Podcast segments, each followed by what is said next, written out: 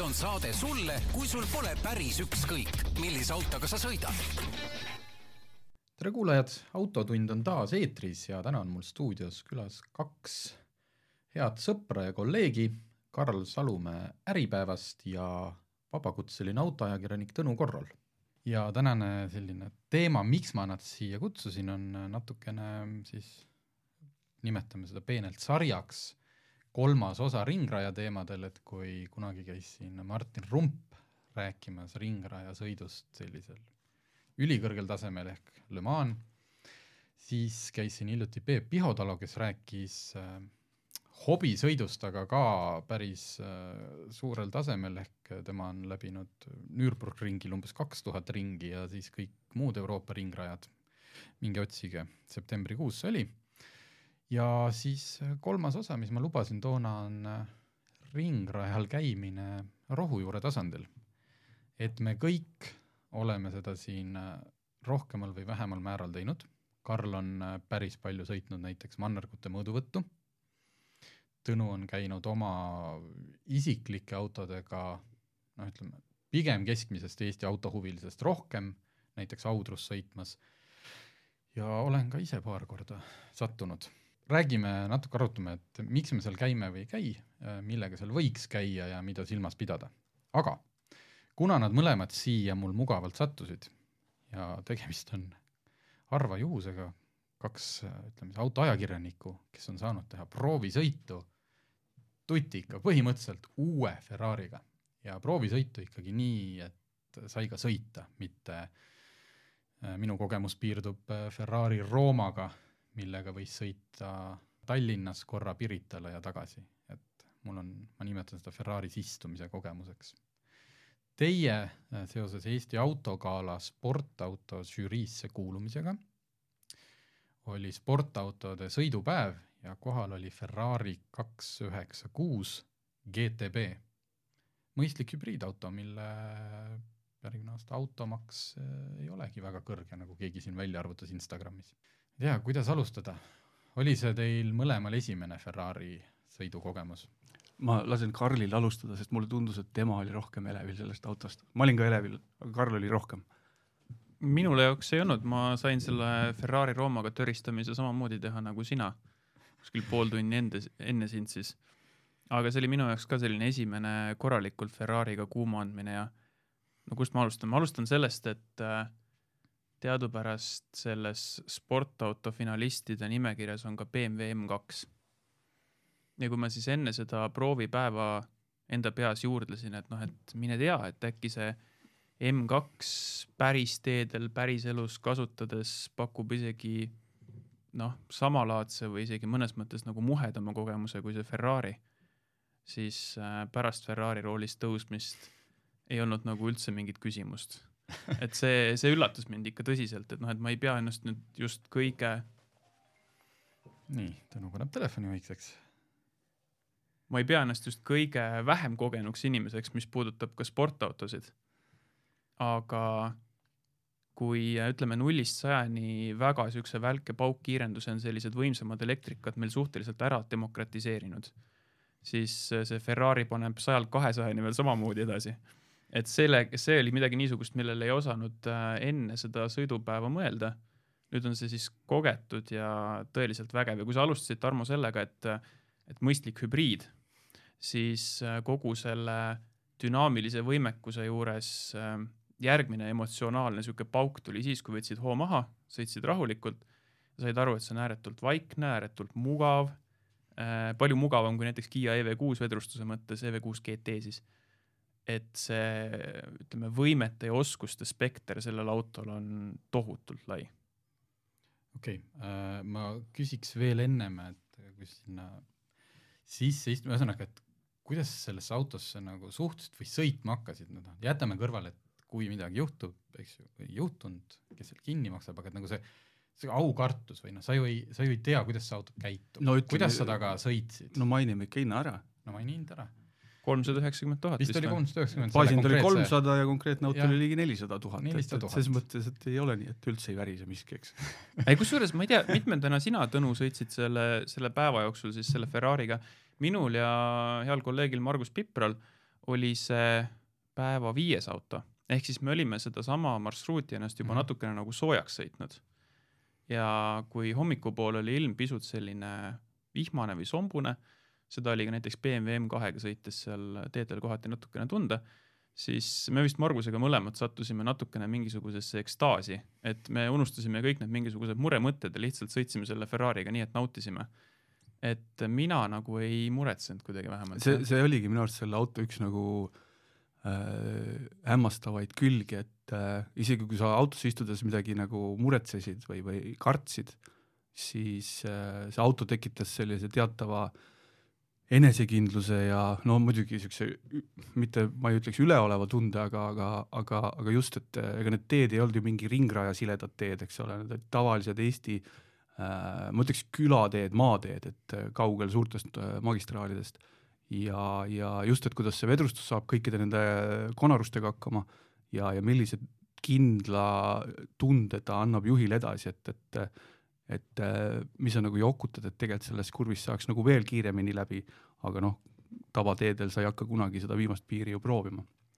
et see on äh, noh, saan aru, et ülikiire auto, samas ta Ferrari valikus, eks ju, ei ole kindlasti mitte nagu kõige seal tipus, ta ei ole ka mingi üks nendest erilistest spetsiaalmudelitest, et sa istud sinna sisse, kui, kui hästi sa ennast seal kohe tunned. ta peaks olema ta peaks, ta peaks olema siis nagu keskmootoriga Ferraridesse niisugune baasmudel, eks ju, mis paneb äh, koos elektrimootoriga kokku arvestatuna kaheksasada kolmkümmend hobujõudu tagaratastesse.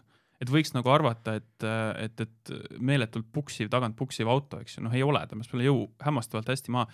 esimesed muljed, ma, kuna ma just hiljaaegu kirjutasin Äripäeva veergudel Porsche üheksa üheksa kaks Turbo S-ist ehk siis praeguse üheksa üks üks põlvkonna Turbo S-ist, siis ma seal keskendusin päris palju sellele, kuidas vot see on niisugune auto, mis esimestest sekunditest ja meetritest alates nagu pakatab sõnumitest, et sa saad aru, et, et vot see on üks tõsine sportauto, see on tehtud äh, tipptasemel inseneride poolt äh, siis sellisele juhile, kes teab, mida ta sportautos tahab, siis Ferrari nende esimeste sekundite ja meetritega nagu lajatab neid sõnumeid palju kuidagi pehmemalt ja vähem.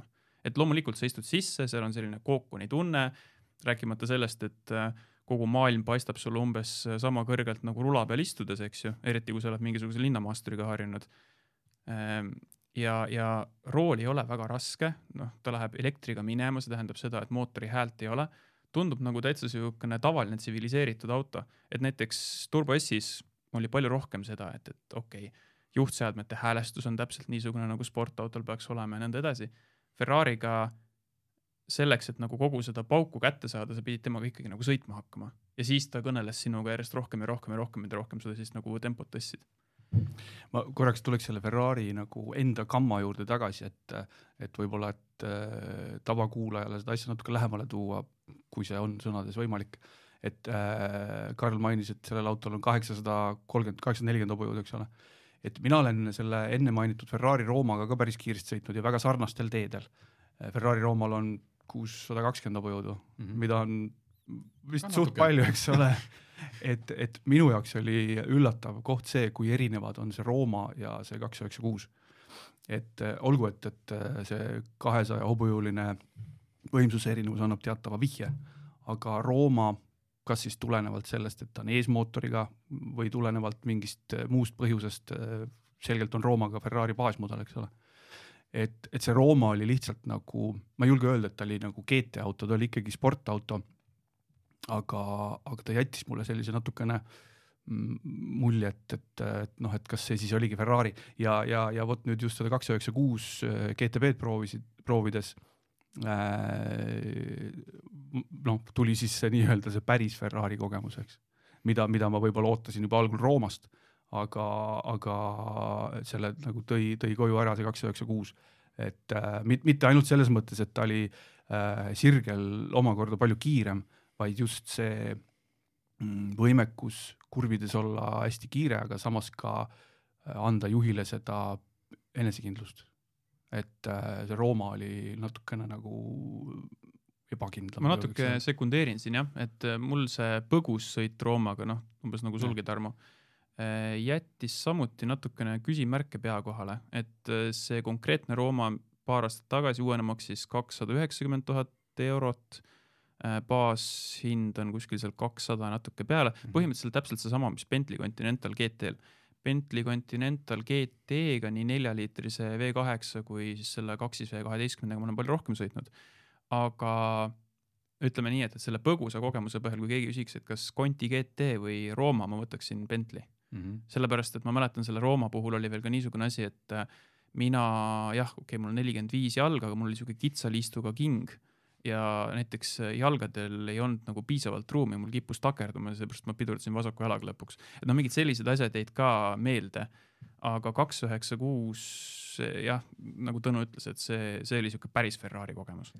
okei okay,, no saite sõita korralikult, küll noh, ütleme pigem põgusa aja jooksul, midagi oleks ka nagu noh, mis pani niimoodi, nojah, see pole päris või no ma võin kohe alustada oma no., oma tava, tavajuttu, ma ei tea. ma tean juba, mis ta räägib, ma mõtlen sedasama. ei, ma ei, üldse hinnast ei räägi, hinnast ju rääkisin. ei, see las, see on loogiline, ärme seda pole mõtet äh, no vaata vanasti, vaata vanasti, Ferrari'l olid V8 mootorid, mis kisasid üheksa tuhande pöördeni ja tegid siukest häält et sa said hääle järgi ka aru, et see on äge auto. Aga kaks üheksa kuus GTB ei tee seda. samas V6 kohta teeb ta ikka pagan ägedat. okei okay,, ja et Maserati V6-ga võrreldes ja on ta parem hääl kindlasti, aga ta ei ole nende vanade Ferraride hääl. ma siiski ei arvanud ära, mida Tõnu ütleb, mina ütlen, et äh, see puutetundlikkus salongis, et õnneks äh, ei läinud seda palju vaja aga, aga see on nõme et äh, Ferrari'l on teadupärast siis suunatule kangi asemel need nupud roolil, mis mm -hmm töötavad minu meelest nagu täitsa kenasti ja harjud ära ka sellega, et kui keerad rooli näiteks sada kaheksakümmend kraadi, siis nad on äraspidised, vasak-parem, eks ju. nupp on ka sellise hea kvaliteetse tundega, kui sa seda vajutad, eks ju, et noh, see ka loeb, et ta kuidagi ei logise või midagi niisugust. aga see puutetundlikkus nii roolil kui keskkonsoolil jah.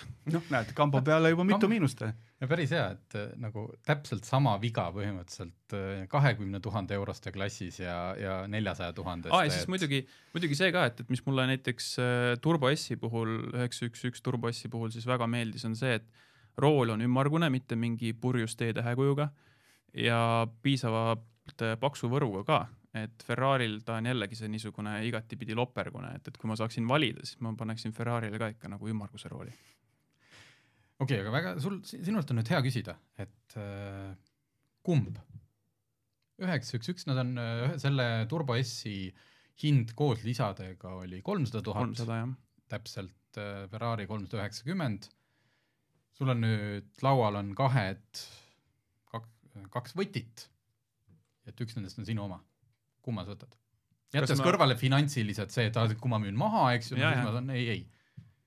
sõidu, see, see elamus, mis sa mõlema sõidust said, Ferrari'ga muidugi oli see lühem kui äh, selle turboga, aga mm,. jah, noh, see on see, et jah, tahaks öelda, et noh, et, et oleneb milleks ja erinevad autod ja nii edasi, aga ma ikkagi ütlen Ferrari, sellepärast et äh, nagu ma ennist mainisin ka, siis hämmastav oli selle auto juures see, et kui sa siis hoo maha võtsid, sõitsid temaga niisama, ta oli nagu väga mõnus et lisaks sellele, mis ma ennist mainisin, et äh, mugav, vaikne, temast näeb ka hästi välja, mis jällegi keskmootoriga, no ikkagi vist võib öelda, et superauto puhul ei ole nagu iseenesestmõistetav, eks.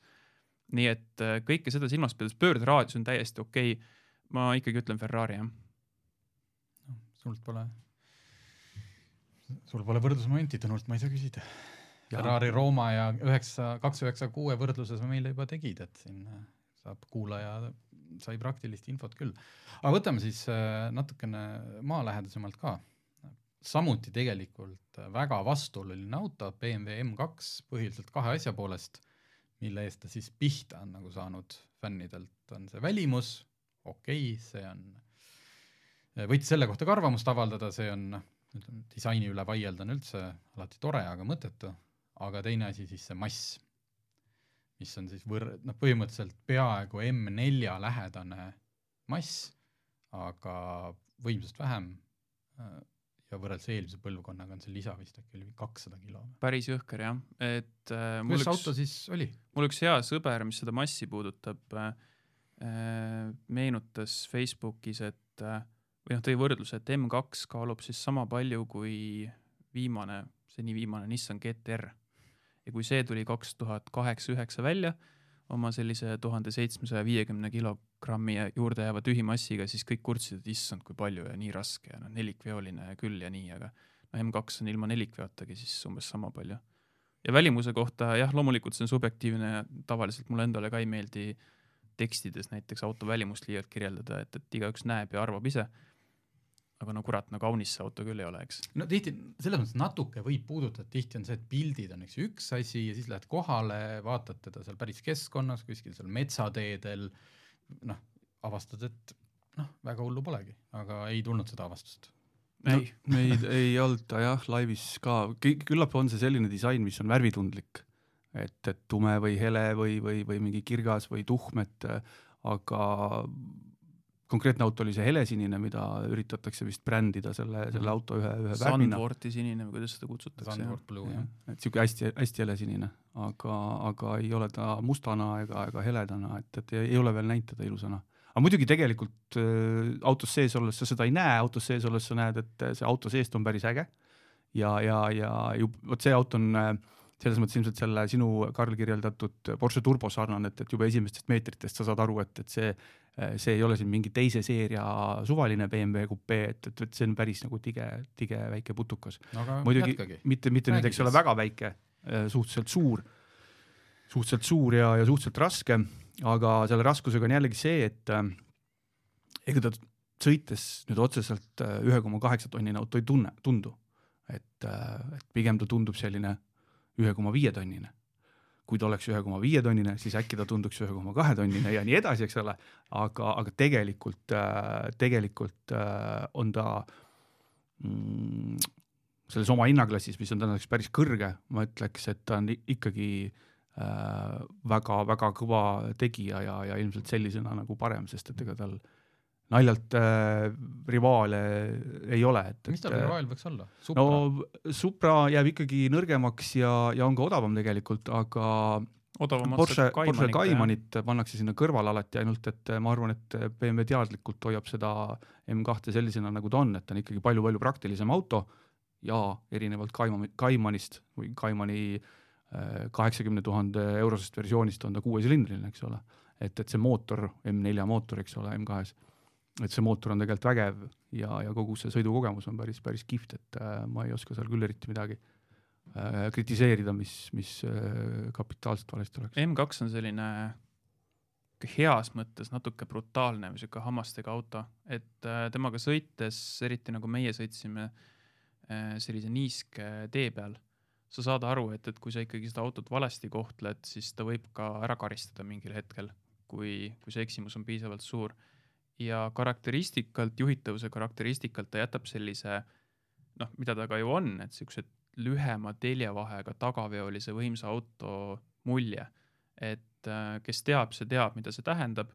et ähm, ilmselt seda nüüd me tavateedel niimoodi järele ei proovinud, aga ma kujutan ette, et, et teda libisemisse viia, sealt tagasi tuua on selline, et see mineku ja tagasituleku koht on pigem selline natuke äkiline.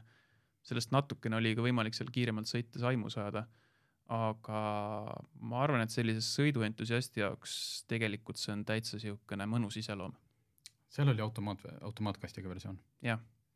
kas tundsite noh, äh, katsetamise mõttes muidugi puudust manuaalist, aga nagu see käigukast ise jäi nagu, jäi midagi tegemata selle pärast või, või...? minu arust M2-l oli ka see kast, et isegi kui sa proovid äh, käsitsi vahetada, mida auto lubab sul ilusti teha, siis tegelikult selles sportrežiimis see automaatkast aimas nagu väga hästi kõik ette.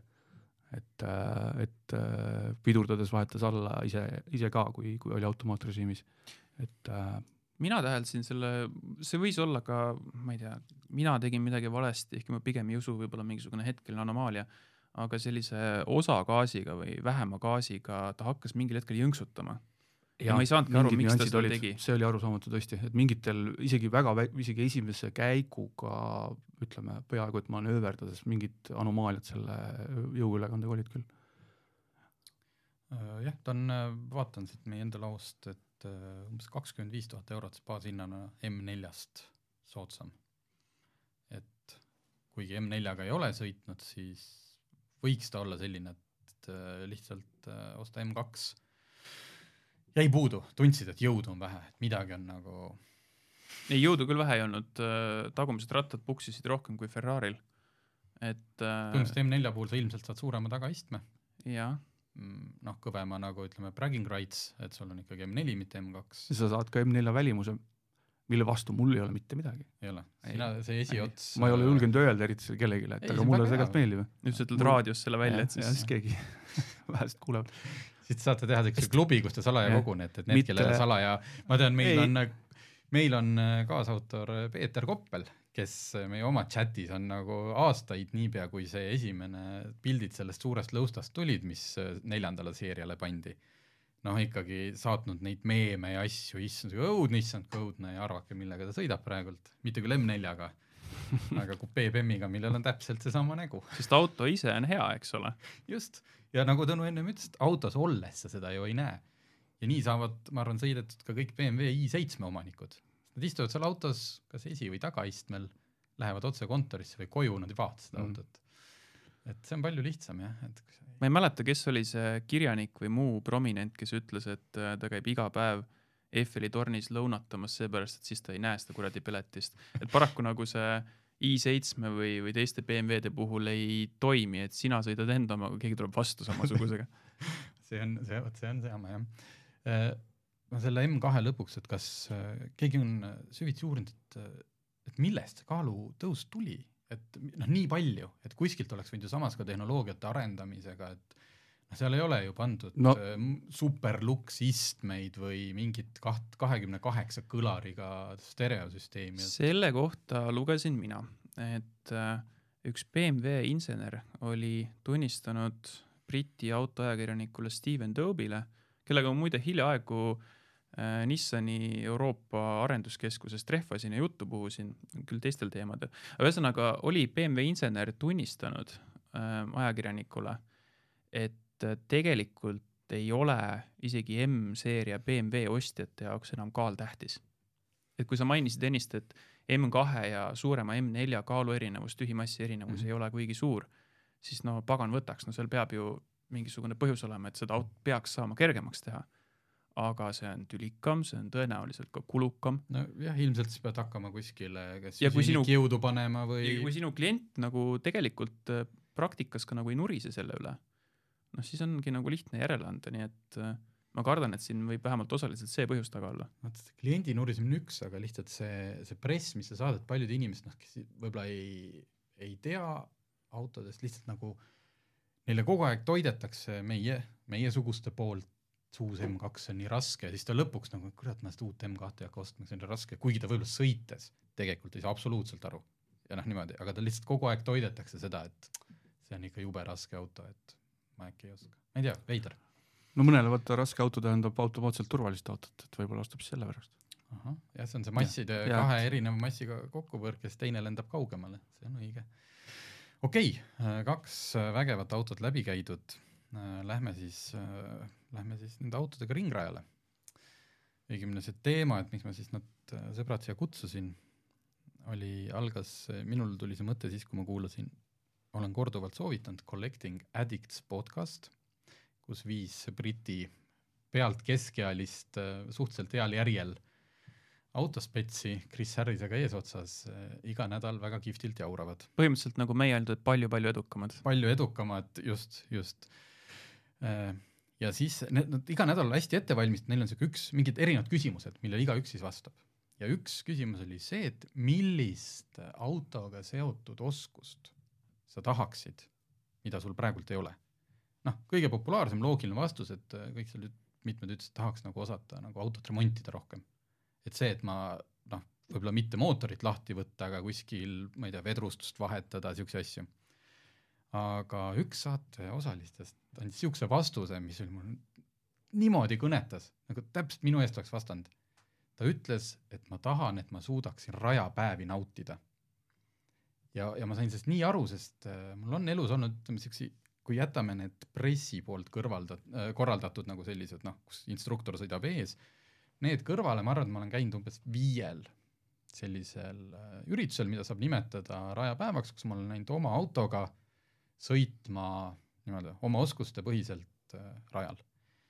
ja ma ennem on hästi nagu noh, hästi värin on sees ja ma tahan minna ja, ja, ja kui ma jõuan sinna kohale, siis hakkab, siis hakkab kark värisema.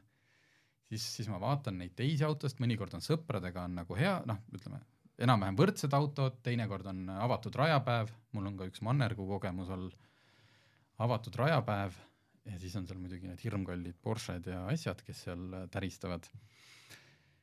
ja siis ma teen nagu need esimesed ringid ära ja, ja noh, kolm-neli tärast tuled maha ja mõtled, kurat, kas ma peaks jätkama ja ma tun-, noh, ma ei tunne ennast veel hästi.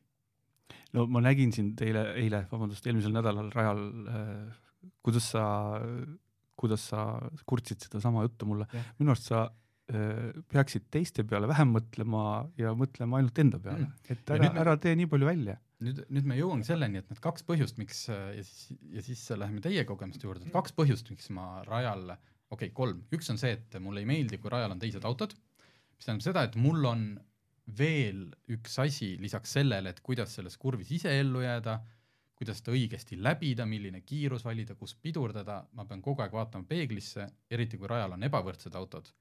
ehk et kui keegi on samasuguse autoga nagu mina, siis ma tean, et ahah, ma nägin, ta on seal eelmises kurvis ja ma eeldan, et ta järgmises kurvis ei ole mul sabas. aga kui rajal on ka Porsche GT3 RS, siis ta tõenäoliselt järgmises kurvis juba on mul külje all.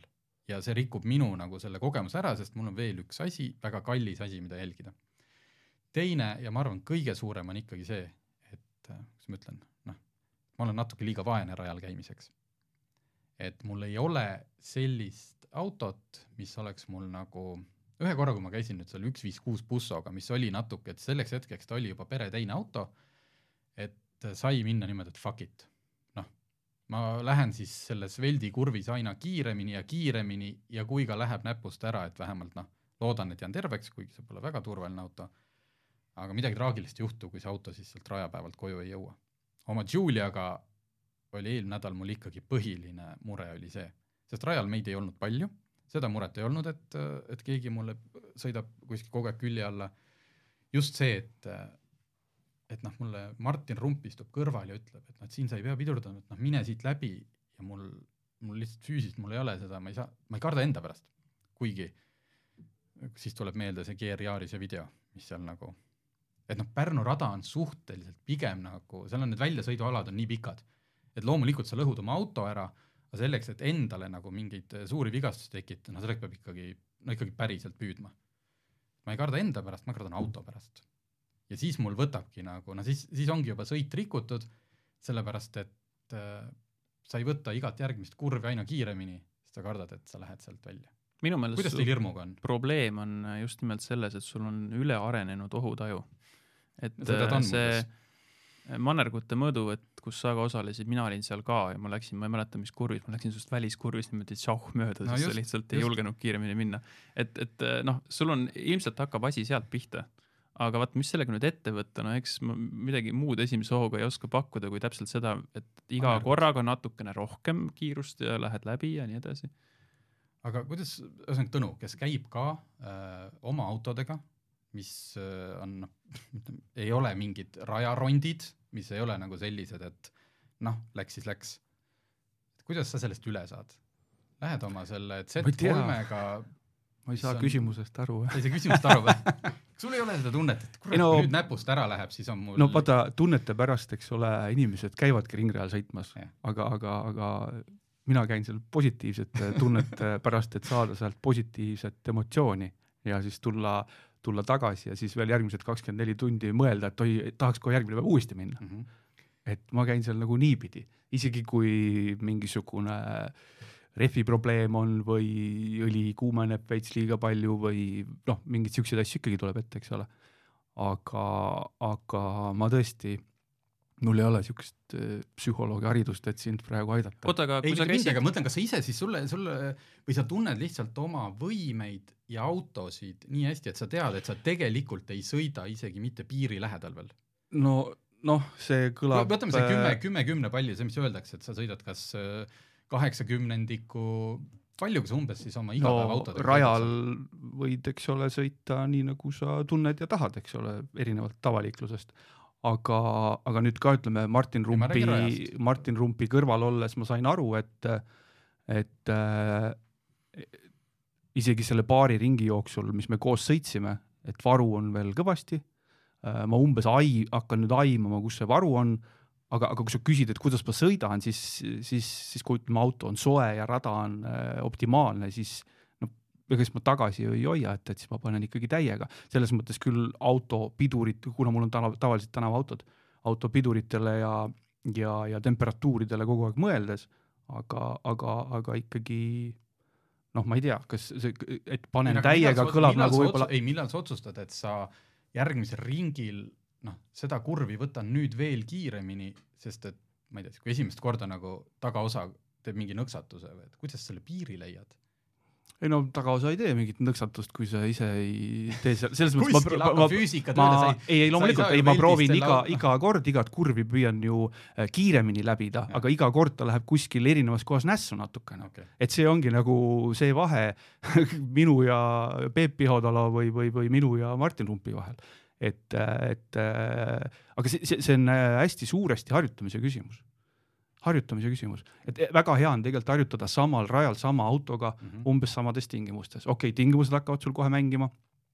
no hakkab igav, tahad mingi natuke teise autoga proovida, aga samas noh, ideaalis ütleme algajale ma õpiks ikkagi ühe raja enam-vähem selgeks, enne kui läheks järgmisele rajale, et, et see lööb nagu päris palju nagu sassi. sest rajad on ikka väga erinevad, aga, aga ütleme, meie audurrada on ideaalne harjutamiseks, et ta on küll, tegelikult on ta kiire rada. selles mõttes pannes sinna sarnaseid või meeri, ta on tegelikult üsna kiire rada, aga samas seal saab hakkama ka autoga, mis, mis ei ole ülemäära kiire, et seal võib olla ka mingi niisugune no kas, kas just tavaline pereauto, aga ka mingisugune hot hatch, eks ole. et äh, ja, ja õppimiseks ongi see kindlasti parem, sest et aeglasema autoga on sul äh, igas kurvis natuke rohkem aega, aega siis kas äh, parandada, korrigeerida no mitte just ümber mõelda, sest ümber mõelda on hilja, aga, aga just, et korrigeerida ja meelde jätta, et kus nüüd midagi valesti läks. kiirautoga on see kõik palju kiirem ja, ja palju, palju raskem. ühesõnaga arvestades mannerguid, palju, palju, noh küsin nagu Piho Talult, et palju, Karl, sina nüüd oled, äh, mitu ringi sul võiks olla audrus all, arvestades seda, et sa oled seal päris palju mannerguid sõitnud? hea küsimus. ma arvan, et seda tuleb mõõta sadades igatahes sest eh, noh, ma ei ole nüüd mõnda aega käinud, meil kuidagi seltskonnas see värk kuidagi vajus ära, et, et kõigil tulid mingisugused muud tegemised, aga äh, me käisime üks vahe ikka, oli siukseid hooaegu, kus me kõik sõidud tegime kaasa. noh, seal on need sõidud mm. erinevad neli tundi ja kuus tundi ja kaheksa tundi ja siis alati sõltub sellest, et mitmekesi te autot jagate, pikkasid otsaid te teete. ma ei ole kunagi kokku löönud aga jah, see on, see on sadades midagi. ma tahtsingi küsida, Tarmo, et kui sa sõitsid, minu mäletamist mööda sa olid mingisuguses E kolmekümne kuues ja et kas sa näiteks seal ka nagu kartsid, sest no iseenesest see oli täpselt samasugune auto, et noh, et, et läheb nässu, siis noh, poogen. sellest, sellest sõidust on mul tegelikult kahju, sellepärast et me läksime seltskonnaga suhteliselt selles mõttes külmalt peale, et meile lihtsalt pakuti ühte autot, tulge võtke hommikul, me läksime selle võtsime, me ei valmistanud seda ette, mis tähendab seda, et meil oli umbes kahe, ma ei tea, see oli mingi äkki kuuetunnine sõit ja meil oli teise tunni lõpuks olid meil pidurid läbi ja me lahkusime mm. -hmm. ehk et äh, mina sain sõita ühe stinti, äh, kus ma olin noh, siis selleks hetkeks nagu noh, mõnusasti vajus ära, et ma sõitsin esimese stinti lõpuks nagu juba ma sain aru, et noh, siin tegelikult on võimalik liigelda, et siin tegelikult ei tahagi kogu aeg sind ära tappa keegi. ja kui ma alustasin teist stinti, siis äh, mul oli umbes noh, teisel ringil äh, läks pedaal põhja ja neid pidureid noh, lihtsalt mitte et kehvad, vaid enam ei olnud ja tulingi maha et siis mitte, sellepärast mulle see aeg-ajalt tõusetubki jälle see, et kui näed müügil mingit autot, mõtled, kurat, see oleks küll hea mannergu auto, et noh, et tegelikult ma tahaksin seal uuesti sõita ja mitu korda sõita täpselt selleks, et harjutada, harjutada umbes tuhande eurose autoga. ma, ma tahaksin mannergute kohta oma hästi lühikese arvamusega ära öelda, et minu arust see mannergute võistlus, kui me räägime sellest, et, et algaja õpiks rajal sõitmist, siis minu arust see mannergute võistlus ei ole õppimiseks kuigi hea koht. tõsi või, miks? et äh, vot kui Tarmo hirmude juurde tulla, siis vot minu arust see võistlus ei ole päris nagu, kindlasti mitte algajale et, äh, et sa saad selle, mis sa ütlesid, tuhande eurose rondi niisama osta ja sedasama autot käia seal üksinda, no mm -hmm. peaaegu et üksinda ringrajal nühkimas, on palju turvalisem, kui olla seal koos neljakümne samasuguse äh, tüübiga, kas siis libeda või pimedaga et äh, mina, mul hästi paljud tuttavad käivad seal, mina olen ainult ühe võistluse äh, läbinud äh, mannerguid ja ma rohkem ei ole sinna tagasi jõudnud. ma ei ütle, et ma kunagi enam ei lähe, aga, aga, aga noh, see ei olegi nagu minu personaalküsimus, aga ma algajale seda nagu esimese asjana küll ei soovitaks. ja no okei okay,, no see mesilase parves koos sõitmine, see on tõesti midagi niisugust, mis alguses natuke pelutada ja võib-olla mõnele ka üle jõu käia, samas noh, mina läksin kunagi esimest korda, ma olen teisigi inimesi visanud sinna, no okei okay,, Tõnul oli selline baas all, ta oli erinevate autodega erinevates situatsioonides sõitnud, aga mul vend näiteks sõitis seal, kellelgi pole nagu väga midagi juhtunud. ilmselt tänu sellele, et need ongi tõesti nii äh, aeglased ja ma arvan, et aitab ka kaasa see, et valdavalt väga kerged autod, mida on nagu natuke lihtsam niimoodi kontrollida või tagasi tuua. ja tegelikult on ju see ikkagi suhteliselt distsiplineeritud, et see, et, et ta ei muutu ju romuralliks, et noh, et väike põks on okei okay või et ikkagi Ei, kontakti mitte, ei tehta, eks ju no aga see juhtub fakti, muidugi. faktilise No märkusena mööngem, et seal on ikka katuseid olnud Ei, mõnel võistlusel mitmuses, jah lihtsalt kiirused on natuke, no autod ei ole ka nii turvalised. aga kus siis äh,, aga selle mesilasparves sõitmise kohta seal noh, tuleb seesama mu äh, loomupärane tugev ohutunne, et ega ma ei ole ka kunagi seal ei oleks siis see, kes sinna parve sisse sõidaks ja tahaks selle, ma laseks nad ees ära ja siis hakkaks oma tempoga noppima neid, juhul kui mul noh, tekib, et keegi on minust palju aeglasem, et las nad sõidavad ennast seal noh, tead, kinni ära ja siis äh, ma tulen tagant nurgast. vaata, ma mäletan selle sinu sõitmise kohta seda, et äh, no sellepärast ma ka küsisin, et Jah. kas sa seal tundsid ennast nagu julgelt või, või, või pelgasid, et, et sul jäi seal ka ikkagi nagu tead sihuke auto laiuse jagu rada kasutamata väljaspool ja noh, et, et sa ei, siis ma olin, ma, ma ütlen, et mul oleks, sellel ajal mul ei olnud ka üldse neid teoreetilisi teadmisi, sest neid on pärast seda, see oli ju hea mitu aastat tagasi. mm. -hmm. pärast seda olen ma käinud äh, kaks korda rumpiga rajal, ma olen käinud nendel rohkematel vahepeal mingitel ringsõidu, mis on pressiüritused seal, Porsche on korraldanud, Hyundai, et mul on nagu kogemus, et ma nüüd nagu, ma ei saa väita, et ma näiteks sellel hetkel, kui sa oled mulle, oleksid siis näiteks juhendanud boksis, kuule, et vaat seal kuris võiksid rohkem Apexit tabada, siis ma oleks pärast läinud guugeldama, et mis see Apex on ja kuidas seda tabatakse, eks ju. et siis, siis see oli ikkagi täitsa nagu tuimalt pealeminek. aga kus siis peaks al- alustama? ütleme, okei okay,, Karl arvab, et mannerg on hea, kas no hea oleks alustada seesama okei okay, audurrada või siis võimalusel, ma ei tea, Tabasalu rada, võib-olla Laitse rallipargi suur rada, võib-olla äh, Raassilla, aga auto mõttes äh, no auto mõttes on muidugi olu- või see, ütleme, küsimus on keeruline, et, et seal tekivad äh, tavaliste sõiduautodega kohe teatud küsimused, aga kui, kui lähtuda esimesest printsiibist, et auto massist, et kui võtta kas just võimalikult kerge auto, aga, aga mingisugune kerge auto, millel on äh, rohkem lootust, et ta ei tapa kohe oma pidureid ja rehve ära, et siis selle autoga kannatab nagu sõita ka rohkem kui kolm-neli ringi järjest ja, ja, ja see ring järjest sõidetavate, järjest kiiresti sõidetavate ringide arv on just sellepärast oluline, et, et sa, et sa õpiksid midagi, et sa jätaksid midagi meelde, et sa teeksid midagi noh, paha, nagunii teed midagi valesti, aga et sa teeksid midagi õigesti ja saaksid aru, et, et sa arened. et, et kui sul on vastupidi, on mingi selline auto, mis maksimaalselt kaks-kolm ringi kiiret saad teha, siis sa pead teda jahutama kohe, ma ei tea, kaks ringi peale sinna, et siis sul nendest eh, kiiresti sõidetud ringidest jääb väga vähe, vähe meelde, et eh, a la kui alustada mõne, mõne hot hatch'iga, mis kaalub alla tonni võib-olla, eks ole, või, või Mazda MX-5-ga või, või Toyota GT kaheksakümne kuuega, et need on niisugused head õppimise autod, et äh, muidugi tuleb, tuleb varsti hetk, kui sa tahad seal midagi parendama hakata, paremat rehvi, paremat piduriklotsi, paremat pidurikätest ja nii edasi, aga et, et see esimesed nii-öelda äh, sammud teha sellise autoga, mis ma ütleks, esimene, et on kerge ja no siis teine küsimus on see nüüd, et kui odav ta on, et, et kui, kui, mida odavam, seda, seda rohkem on sul ükskõik ta ära lõhkuda, teistpidi, mida odavam, seda tõenäoliselt ka vähem turvaline ta on. et need on niisugused äh, vastuolulised omadused. Mannergu kogemuste järgi jah, tavalise tänavasõiduauto puhul kaks nõrka kohta või sõlme, mis hakkavad järgi andma, on just nimelt pidurid, alati uued piduriklotsid panna, alati ka pidurivedelik ära vahetada. ma olen küll ja veel näinud tüüpe, et oh, meil pole see pidurivedelik nii vana midagi, ikka noh, kipub keema minema siis, sest seal on ikkagi noh, niiskust on sees. Ja teine asi, et võimaluse korral panna suurem radikas, et üle ei kuumeneks, et need on nagu need kaks asja mis, kui sa need ära teed, siis on nagu päris hea lootus, et, et sul kestab see auto. ma ütleksin niimoodi, et äh, alustamiseks on hea selline auto, mis ei ole liiga võimas.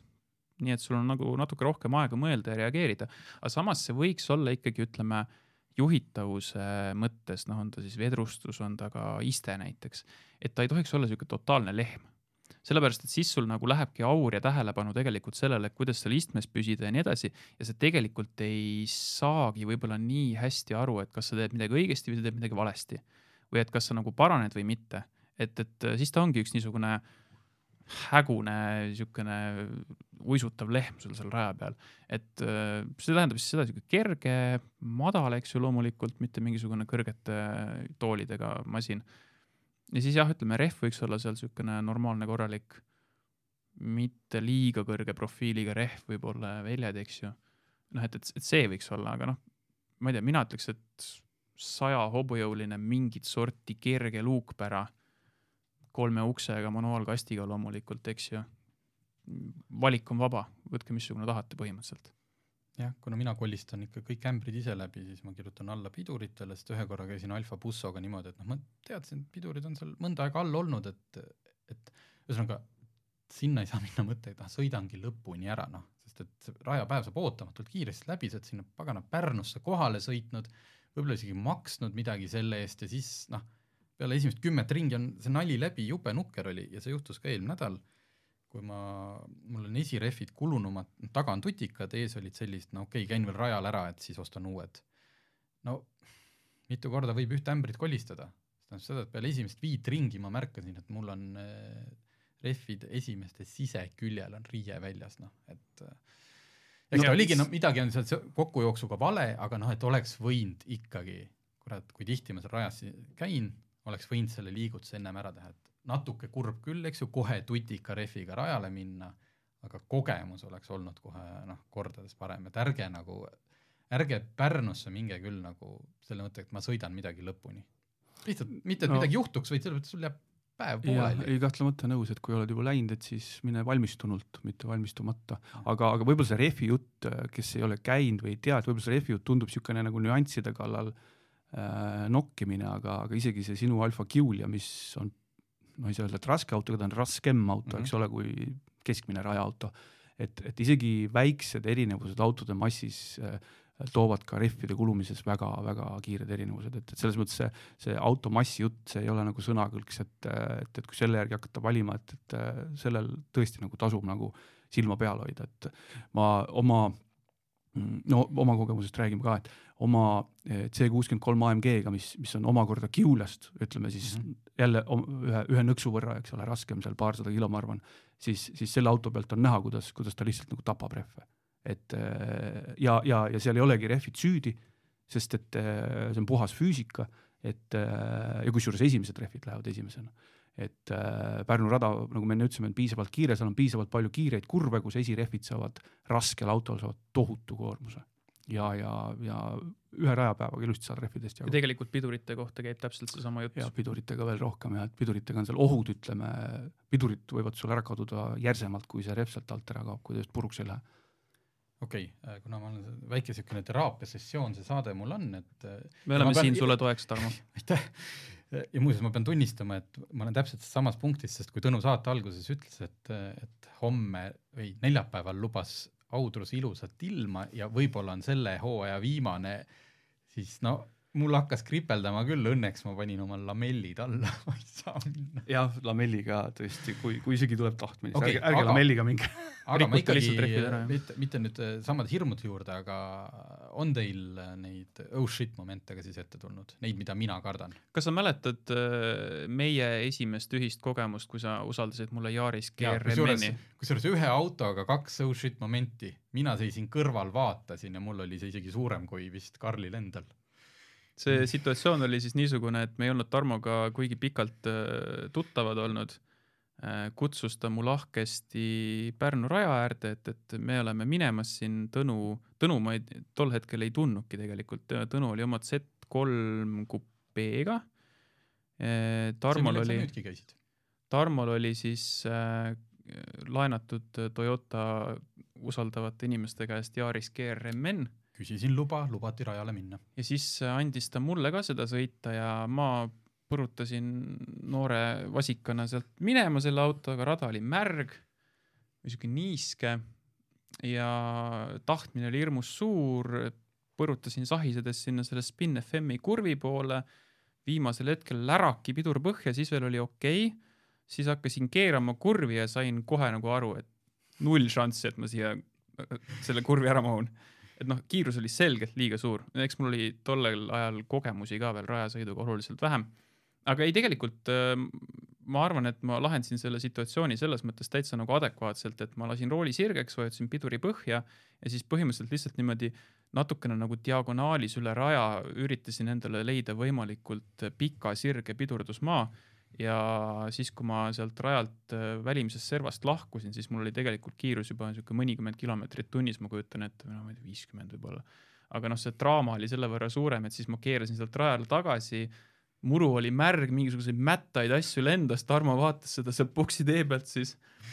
jah, sest et mina olen ju see, kes teadupärast kunagi kõrval ei ole ka nõus istuma, et äh, ma ei teagi, kus ma ennast hullemini oleks tundnud, kas sellel hetkel seal autos, kust oleksite võib-olla kuulnud kõrgeid helisid või seal boksis, aga ei, kõik lõppes õnnelikult.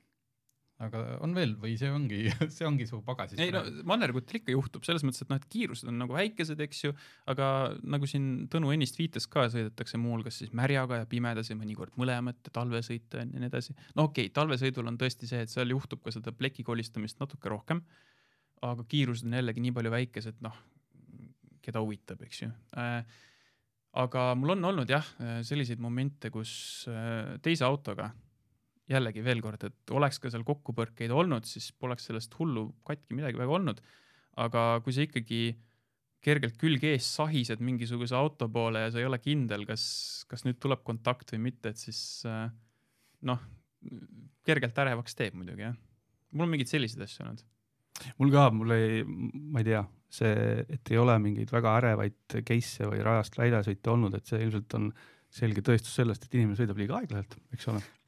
aga okay., aga, aga mõned, mõned siuksed noh, mitte just oh shit, aga ma ei tea, mis peaks ütlema, et oh pagan või yeah. midagi siukest, eks ole, et et kui oled mingi siukse enam-vähem kiire autoga esimest korda tajunud, mis tähendab neljanda käiguga külge ees sõita, niimoodi natukene ootamatult, see on no, huvitav tunne, et, et kas saad kätte või ei saa. ja, ja kui neljanda käiguga no ütleme peaaegu külge ees sõites on sul äh, kurvi apexis ees äh, Porsche turbo esituli, millest sa pead mööda saama. ilma Porscheta. ilma Porscheta, tuli, tuli ilma Porscheta ja sul on seal, eks ole, mingi sada nelikümmend midagi, eks ole, ja, ja, ja sa ei taha seda Porsche esituld enda esituledesse. et, et siukseid, siukseid asju paratamatult tekib raja peal, kusjuures naljakas lugu oli sellega, et see tuli ei olnud seal mitte mingi avarii või millegi Mm. tagajärjel, vaid lihtsalt ühel Järsu- Porschel järsu pidurdus, järsu pidurdus, no tuli oli korralikult kinni panemata sinna. et piirni oli vahet. klõpsuga käivad tuled põhimõtteliselt ette ja ju ta Mhm. oli korralikult külge vajutamata ja Porsche pidurid siis järelikult olid nii head, et pidurdati tuli eest ära.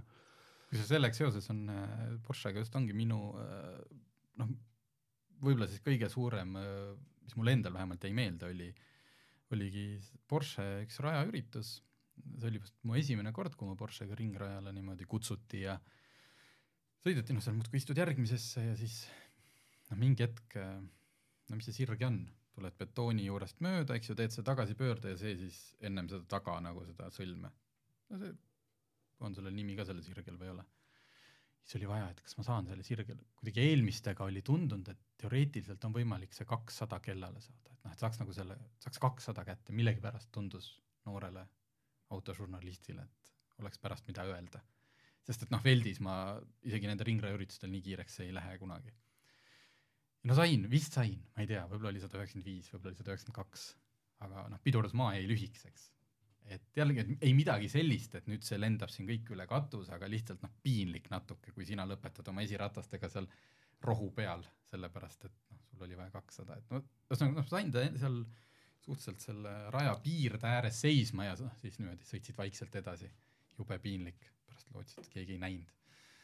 ma tahaks Porschega seoses, ma ei tea, palju meil aega on, Porschega seoses ühe üldise nii-öelda remargi teha, mis võib-olla ei, ma ei tea, puudutab algajaid või ei puuduta, kuigi Porsche't leiab ka päris häid autosid, mis, mis väga hullu raha ei maksagi. Aga Porschega seoses ja, ja pigem nüüd teiste autodega seoses, mis on sama kiired, kui keegi nüüd saab inspiratsiooni ja mõtleb, et ta läheb nüüd oma uue Audi, BMW või Mercedesega või, või, või on see ka Alfa Romeo või on see ka ma ei tea, Jaguar või midagi sellist, et läheb kohe nüüd rajale ja, ja läheb, proovib selle ära. et äh, siin on nagu see üks, üks pisikene äh, asi, mis on kirjutatud väga väikses kirjas, on see, et tegelikult kui te lähete nagu garantiilise autoga ringrajale siis tegelikult peaaegu ükski autotootja ei vaata sellele hästi. ja, ja see, et ta ei vaata sellele hästi, tähendab seda, et, et kui te, ma ei julge nüüd ühegi margi nime mainida, aga te saite aru, mis markidest on jutt, et, et selle auto äh, pidurid, mootori, käigukasti diferentsiaali seal ära kärsatate, siis te olete ise süüdi ja, ja garantii ütleb teile selle peale midagi keskmise sõrme kujul. aga äh, Porsche kiituseks või Porsche esiletõstmiseks tuleb siis äh, tuleb siis see vahe sisse teha, et Porsche on minu teada vist ainuke automark, kes ongi oma autodel juba standardist tehasest äh, ette näinud selle võimaluse, et need autod saavad hakkama ka ringrajal. Okay.. Nende standardpiduritega, nende rehvidega, mis nad tulevad, okei okay,, muidugi saab äh, neid ka kangemaks teha ja, ja seal muuta, aga Porsche ei ütle sulle eh, niimoodi, et, et, et a la, et sul on siin Carreral mootor kokku jooksnud, et mis tegid, et käisid ringrajal või et noh, muidugi saab ka ringrajal juht asju valesti teha, eriti manuaalkäigukasti korral, aga, aga niimoodi, et auto enda mingist mm, puudusest tulenevalt äh, Porsche nagu siin et, kätt ette ei pane, et, äh, et kuigi tegemist on tänavaautodega, on nendega lubatud ka ringrajal käia. okei okay., äh, et see, võime siin heietada veel pikalt, mul on siin, mul on siin teraapiat palju vaja, aga tõmbame ikkagi otsad kokku, siis ma annaks nagu paar äh, või siis mõtiskleme ise soovitust, et milline, siin on neid erinevaid marke on läbi käinud, andsin teile natuke koduse töö ka, et mis see võiks olla hea rajaauto, ütleme siis kahes hinnaklassis, kuni kakskümmend tuhat ja siis kuni sada tuhat, mis oleks selline auto, millega sa lähed ise sinna kohale, tuled tagasi ka ja võib-olla ka siis ei pea garaaži panema, vaid võid iga päev asju ajada. ilmselt võib-olla pere teise autona, mi-, kuhu poole inimesed peaks vaatama hakkama, mis pakuks neile seda, võtame siis, lähtume siis Audru rajast, mis meil siin Eestis on, pakuks seda sõidurõõmu, õppimisrõõmu ja samas nagu ma ei tea, ei oleks liiga karm või, või liiga noh, teadupärast eks osad autod on jube võimsad, aga kui nad on esiveolised, noh, võtame, ma ei tea, jälle võtan, mida ma tean, sada viiskümmend kuus GTA, eks ju, kui tal seal dihvrid ka vahel pole, siis noh, ta veab sul lihtsalt esirattad veavad või sada nelikümmend seitse GTA ja nii edasi, eks ju. ma alustan, ma võin alustada. kujutage ette maailma, kus kolmanda seeria BMW-d on täielik haruldus. keegi nendega ei sõida, mõni üksik fänn on sellel autol. ja siis sa istud selle autorooli, generatsioonist olenemata isegi ütleme, et see on korralik ja see on suurema rida kuus mootoriga. Et äh, mis, mis me siis nagu sellest autost arvaksime. tõenäoliselt äh, tahaks vähemalt loota, et äh, meie teadmised ja kogemused ja autode hindamise oskused on piisavalt arenenud, et sattuda sellest masinast vaimustusse, küsida, et miks keegi ei osta neid, issand, see on ju jumala hea, jube hea juhitavusega, jube vinge, äge. Ja ilmselt nagu noh, kuulutaks seda tõde, et kolmanda seeria BMW on jube hea sportsedaan, mis sportlik sedaan nii et äh, minu vastus on see, et odavamas hinnaklassis ikkagi mis iganes BMW kolmanda seeria tüübid nagu taskukohased on, et äh, et seda mitte soovitada, noh, see põhjus saabki olla see, et, et see on liiga kulunud, liiga teada-tuntud vastus, eks ju. aga tegelikult on sellel ikkagi ka mingi põhjus, miks mis iganes äh, rajapäevadel, rahvasprintidel, rallidel, ringrajavõistlustel on iga jumala kord on Bemmi kutid kohal no. täpselt jah. nagu, täpselt nagu Honda Civicu kutidki või kallimas hinnaotsa klassis siis äh, Porsche'd, eks ju. et see päriselt ongi selleks väga sobilik ja hea auto. rida kuus bensiinimootor, läheb hästi pöördesse, väga siiliselt, eks ju äh,. tagavedu, hea kaalujaotus Äh, kõikvõimalikke selliseid juppe, tükke, mida ringrajasõidul vaja võiks minna, alustades diferentsiaali lukkudest, lõpetades millega iganes. Navala sellele autole. et äh, jah, ei, ei, ei ole vaja üle mõelda, lihtsalt osta endale mingit sorti BMW, mulle endale näiteks väga meeldivad kompaktid, mis on natukene ütleme eriti tänapäeval lühikese teljevahega tagapöörist autot nagu on järjest vähem saada. Et, et näiteks E nelikümmend kuus kompakt, jah, arvame selle välimusest, mis me arvame, mina näiteks selle auto välimuse vastu ei ole. aga mulle tundub, et see on näiteks äh, päris mitmekülgne, et see võiks ka näiteks ütleme, kui tehakse mingisuguseid rajapäevi või sprint äh, kardirajal nagu Rapla kardirajal, siis seal ta võiks tegija olla ja nii edasi. on ka tegelikult jah.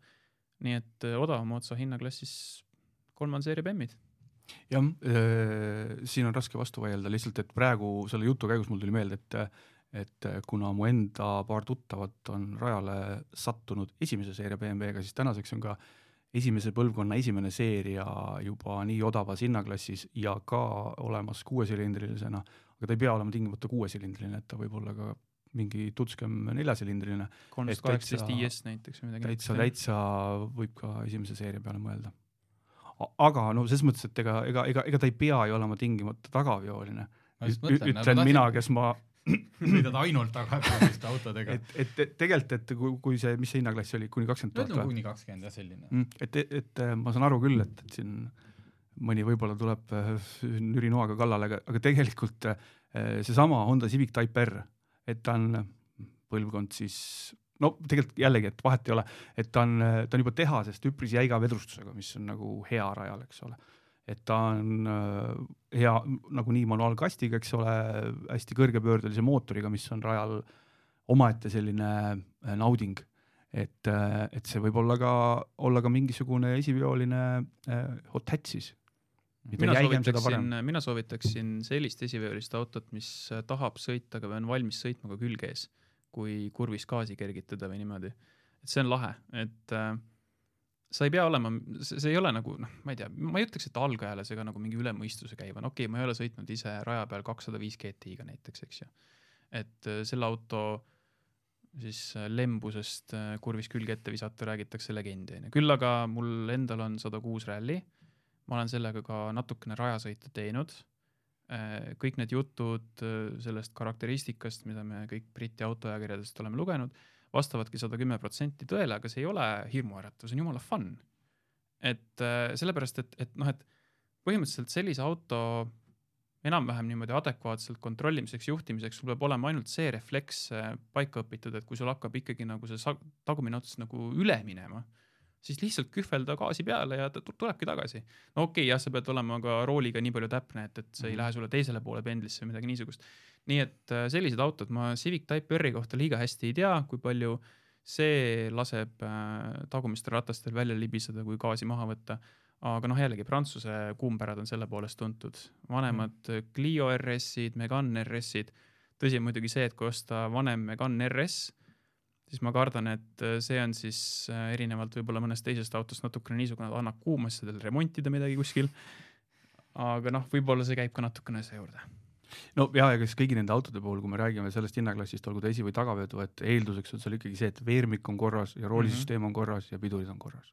et, et seal, kui puksid on vedelad ja pragunenud, et, et siis see auto ei ole ka nagu, see on see, et, et sa lähed, sa proovid ära, sul jääb selline mulje, et ah, ei tea, ei, mis auto see nüüd on, aga tegelikult äh, sa ei saanud autost äh, täit aimu, sest et sa läksid sinna poolrikkis autoga, okei okay,, tehnoülevaatuse mõttes võis see auto olla täitsa igatipidi legaalne, aga tegelikult raja mõttes oli seal tugevalt vajakajäämisi. ja rehvidega tegelikult täpselt seesama lugu, et äh, see on äh, jällegi omadest kogemustest kõnelen, lausa üllatav, kui selgelt saab lahja esiveolise autoga ehk mannerguga aru rehvide erinevusest. et kaks uust, uut jooksurehvi aga erinevad komplektid noh, tootjate ja, ja mhm. mudelite mm -hmm. mõttes. ja sellised noh, ikkagi siuksed tavapärased keskpärase sõiduoskusega inimesed, kui nad saavad proovida ühte ja siis saavad proovida teist samal autol, siis saab aru erinevusest. on selliseid rehve, mis äh, enne kui nad oma töötemperatuuri saavutavad või noh, soojaks lähevad, siis nad on veidi siuksed imelikud, eks ju. on mis iganes muid asju ka, et, et äh, rehv peab ka olema siis selline adekvaatne. okei okay teise autoga ma natuke selles mõttes mitte ei muuda reegleid, aga ma ütlen siis, et ei peagi teistele soovitama, aga milline on see kuni sada tuhat eurot auto, millega sa tahaksid käia rajal, elada ka niisama, mis, mis pakuks seda mõlemat? no ma ei tea, mina siin oma silmaklappidega väga midagi peale Porsche nagu ei näe. no tegelikult näen, aga, aga ma tean ma olen noh, mingid teed olen juba läbi käinud ja, ja ja, ja ma arvan, et noh, kuni saja tuhandega saab juba päris äh, kõva Porsche ka ringrajasõidu aga mõttes. täpsemalt, kas, kas üheksa üks üks või seitse üks kaheksa või mis need äh, kõik need kaimad no minu jaoks ikkagi peaks seal olema kuus silindrit, ideaalis äh, ilma ülelaadimiseta ja, ja käsikastiga. et see tõmbab muidugi päris paljud moodsad autod maha, aga, aga ütleme üheksa, üheksa, üks Carrera, vabalt hingavana, suurepärane. Ta on ka turbomootoriga suurepärane, lihtsalt siin on võib-olla isiklik eelistus ja, ja kuuesilindrised Caymanid, et mida suurema mootoriga, seda parem kindlasti. ja käsikastiga. et käsi, käsikastiga on jälle see, et, et ega see mm, noh, lihtsalt taustaks, et ega see ringrajal tingimata kiirust juurde ei anna, et ta pigem võtab seda maha moodsate automaatkastidega võrreldes. aga lihtsalt see on jällegi niisugune isikliku eelistuse küsimus. aga ma pakun siis midagi alternatiivset välja, et äh, see on Eestis haruldane auto, aga noh, jällegi kuulub nende niisuguste klassikute kilda ja selle saab oluliselt odavama raha eest kui saja tuhandega, et äh, mis iganes Caterham. et võib-olla see on natukene niisugune auto, et kuna ta on nii õhuke, siis see tahab natukene julgust saada, samas noh, ega sa rajale, sa lähed ikkagi selle puuriga Caterhamiga, eks. Ja, ja noh, selle auto kohta ma ise olen saanud sõita ühe Estfieldiga, millel on üks väga huvitav BMW mootor vahel, aga see selleks, ma ei saanud sellega palju sõita, see oli veel ka toores masin ja tal olid mootoriprobleemid tekkisid ja nii edasi. aga Caterhamide kohta räägitakse, et see on, ütleme sellise kiire sõidu algtõdede õppimiseks ka väga hea auto, sellepärast et ta on nii, ma ei teagi, kuidas seda eesti keeles peaks ütlema, aga analoogauto, eks ju. nii klassikalise valemi järgi tehtud ja jällegi ekstreemselt kerge masin, eks ole, mis tähendab seda, et et see auto peaks ka rehvide ja pidurite mõttes pakkuma sulle niisugust head kogemust, et sõidad, sõidad, noh, võib-olla natukene jahtud ise maha, mitte auto ja, ja lähed nende samade rehvide ja, ja pidurikomplektiga jälle ja uuesti. ja, ja no muidugi noh, kui tahta natukene rohkem autot enda ümber, aga jääda äh, kerge ja, ja Briti päritolu auto juurde, siis ka Lotused, erinevad Eliisid, Eliised mm. -hmm. Nendega on jah, see on vist kuidas Lotto, et näiteks noh, Peep Pihatalu ütles, et temal oli see Lotus Exige äh, seal Nürburgringil pikalt rajaauto. Ja ta ütles noh, nagu sellist noh, ühtegi mingit Lotuse viga või et noh, Briti autod ist- noh, mingid tuled põlesid ja kogu aeg oli mingi jama, et ei olnud, et see oli üks tema nagu, tema nagu paremaid ja muretumaid äh, autokogemusi, eriti arvestades, kuidas noh, see aut-, noh, kui see auto pargibki ainult Nürburgringil ja saabki ainult rajasõitu, et siis äh, võib-olla, võib-olla sellepärast no aga teisipidi võttes jälle sellel Exige'il on ju Toyota mootor, eks ole Jah.. manuaalkast, mille päritolu ma siin kohe peast ausalt öeldes ei mäleta. aga noh, ikkagi selline mõnes mõttes nagu elementaarauto, eks ju. mm. -hmm. vot, me oleme siin nüüd kõvasti heietanud, kuigi võis jääda mulje, et mulle üldse noh, kogu see rajavärk üldse ei meeldi ja ma ei taha sellest midagi kuulda, siis ma teeks Tõnule siiski üleskutse, et jah, ma tehnilistel põhjustel see aasta rohkem ei osale, aga, aga kindlasti veendke, veenge mind alati kaasa tulema, kui on minek. võib-olla ma leian põhjuse kolm või neli, miks ma jälle tulla ei saa, aga noh, kuskil, kuskil sisimas ma õudselt ikkagi tahan. et ma ei tea, mis värk sellega on, et vajab veel natuke teraapiat. nojah, rajal näeme. rajal näeme, aga aitäh, et kuulasite ja järgmine kord jälle. autotund.